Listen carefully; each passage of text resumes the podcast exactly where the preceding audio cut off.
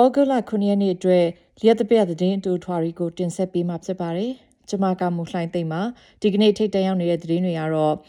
အစိုးရကနေအခွန်ပိုင်းဆိုင်ရာအကြံပေးပုဂ္ဂိုလ်ရဲ့မတမာမှုတွေကိုစုံစမ်းအရေးယူမယ်ဆိုတဲ့အကြောင်းတတိပုတ်ကလလွှတ်တော်မှာ Kate Cheney ကနိုင်ငံရေးသမားတွေပိုပြီးပွင့်လင်းမြင်သာမှုရှိအောင်ဆောင်ရွက်စေမယ့်ဥပဒေကြမ်းကိုအဆိုတင်သွင်းမဲ့အကြောင်းနဲ့ ဩစတြေးလျ netball အသင်းကကမ္ဘာဖလားပြိုင်ပွဲမှာ12ကြိမ်ဆက်တိုက်အနိုင်ရသွားတဲ့သတင်းတွေအပြင်တခြားထူးခြားတဲ့သတင်းတွေကိုလည်းနားဆင်ရမှာဖြစ်ပါတယ်ရှင်။ဩစတြေးလျအစိုးရက Price Waterhouse Coopers PwC တုန်းကအခွန်ပိုင်းဆိုင်ရာသတင်းတွေပေါက်ကြားတာမျိုးမဖြစ်အောင်အခွန်ပိုင်းဆိုင်ရာဥပဒေကိုပုံမတင်းကျပ်ဖို့စ조사သွားမှာဖြစ်ပါတယ်။ PwC ဟာဩစတြေးလျအစိုးရအတွက်အလုပ်လုပ်ပေးရင် သူတို့သိရတဲ့အခွန်ဆိုင်ရာအချက်တချို့ကိုတခြားကုမ္ပဏီကြီးတွေစီအခွန်ရှောင်နိုင်အောင်အချက်လက်တွေကိုရောင်းစားတာမျိုးလုပ်ခဲ့လို့အစိုးရအတွက်ဒေါ်လာတန်ပေါင်းများစွာနှိမ့်နာခဲ့ရပါတယ်။အစိုးရရဲ့အခွန်ပိုင်းဆိုင်ရာကောက်ခံမှုအချက်လက်တွေကိုရောင်းစားကြောင်းတွေ့ရှိပြီးတဲ့နောက်အခုလိုအခွန်ပိုင်းဆိုင်ရာအကြံဉာဏ်ပေးသူတွေမတာမာမှုတွေမလုံနိုင်အောင်တားဆီးတဲ့အကြံပြုချက်တွေရှိပြီးအဲ့ဒီအကြံပြုချက်တွေကိုဥပဒေထဲမှာအကောင့်ထဲပေါ်နိုင်အောင်အစိုးရကလုပ်ကင်သွားမယ်လို့သိရပါတယ်။ တတိပုတ်ကလလွှတ်တော်မှာ Kate Cheney ကနိုင်ငံရေးသမားတွေကိုပိုပြီးပွင့်လင်းမြင်သာစွာလောက်ခံလောက်ကင်ဆောင်ရွက်စေမဲ့ဥပဒေကြမ်း Restoring Trust Bill ကိုလွှတ်တော်မှာအဆိုတင်သွင်းဖို့ရှိပါတယ်။အချက်73ချက်ပါတဲ့ပြုပြင်ပြောင်းလဲခြင်းဆိုင်ရာဥပဒေမူကြမ်းကိုတတိပုတ်ကလနဲ့ပါတီငယ်တွေကထောက်ခံမှုရှိနေပါတယ်။အဆိုပြုချက်တွေထဲမှာနိုင်ငံရေးသမားတွေကိုဘသူကထောက်ပံ့ကြေးပေးနေတယ်လဲ ဒေါ်လာတစ်ထောင်နဲ့အထက်ရရှိတဲ့နိုင်ငံရေးအလှူအားလုံးကိုဖော်ပြဖို့နဲ့ကမ်ပိန်းကာလအတွင်းမှာလိန်ညာမှုတွေကိုပိတ်ပင်တားမြစ်ဖို့အချက်လက်တွေပါရှိပါတယ်။နိုင်ငံတကာလူငင်းချမ်းသာခွင့် Amnesty International အဖွဲ့ပြီးရင်အာဖဂန်ကစကပြန်တွေနဲ့အာဖဂန်အမျိုးသမီးတွေကတာလီဘန်အာဏာသိမ်းနှစ်နှစ်ပြည့်တဲ့ကာလမှာပဲ ဩစတြေးလျအစိုးရအနေနဲ့အာဖဂန်တွေနိုင်ငံကနေထွက်ပြေးလွတ်မြောက်နိုင်အောင်ပုံမူလှုပ်ဆောင်ပေးဖို့တောင်းဆိုနေကြပါတယ်။လူတွေအာဖဂန်ကနေအမြန်ထွက်ခွာနိုင်အောင်သူတို့ရဲ့လူသားချင်းစာနာမှုရှောက်လွှာကို အမြန်စစ်စစ်ပေးဖို့နဲ့တာလီဘန်ရဲ့လူအခွင့်အရေးချိုးဖောက်မှုတွေကိုရှုတ်ချဖို့အတွက်လည်းတောင်းဆိုခဲ့ကြပါတယ်။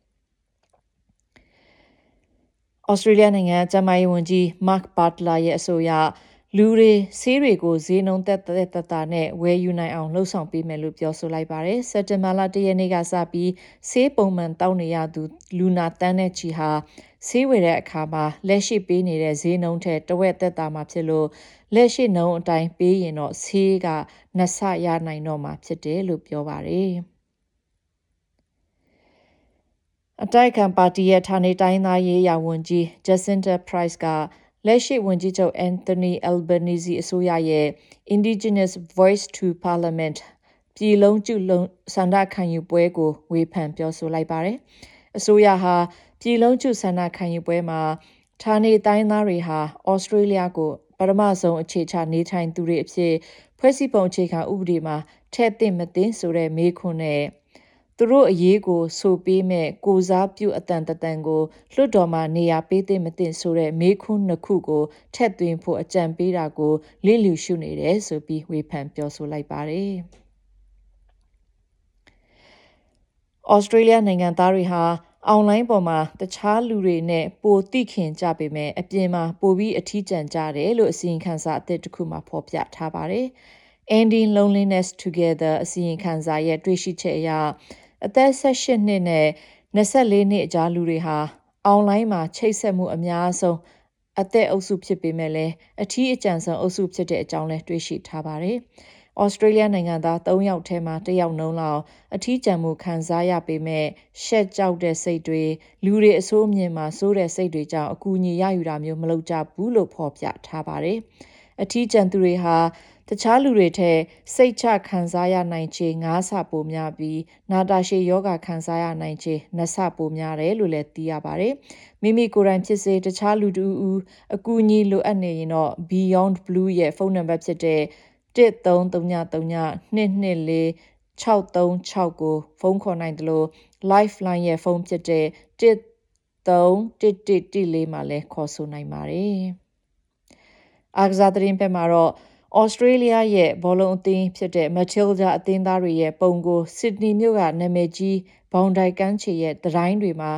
ရေးဆွဲပြီးတော့ဂုဏ်ပြုနေကြပါတယ်။အဲ့ဒီပုံတွေကိုနိုင်ငံတကာကနာမည်ကြီးပုံဆွဲပကြီးပညာရှင် Daniel Weber ကရေးဆွဲမှာဖြစ်ရေးဆွဲထားတာဖြစ်ပြီး Football Australia Creative ရဲ့ manager Ryan Oswell ကဒီဇိုင်းထားတာဖြစ်ပါတယ်။ဒီပုံတွေကိုအပြီးရေးဆွဲဖို့အချိန် နာရီပေါင်း100ကြာမြင့်ခဲ့တယ်လို့လည်းပြောပါတယ်။ဒီဩဂုတ်လ9ရက်ဒီကနေ့ည6နာရီကျရင်တော့ Matildas အသင်းဟာဒိမတ်အသင်းနဲ့ရှုံးထွက်ပွဲအတွေ့ရှင်ပြိုင်ကစားရမှာဖြစ်ပါတယ်။ဒီပွဲမှာအနိုင်ရရင်တော့ Matildas အသင်းဟာ quarter final အဆင့်ကိုတက်မှာဖြစ်ပါတယ်။နောက်ဆုံးသတင်းတစ်ပုဒ်မှာတော့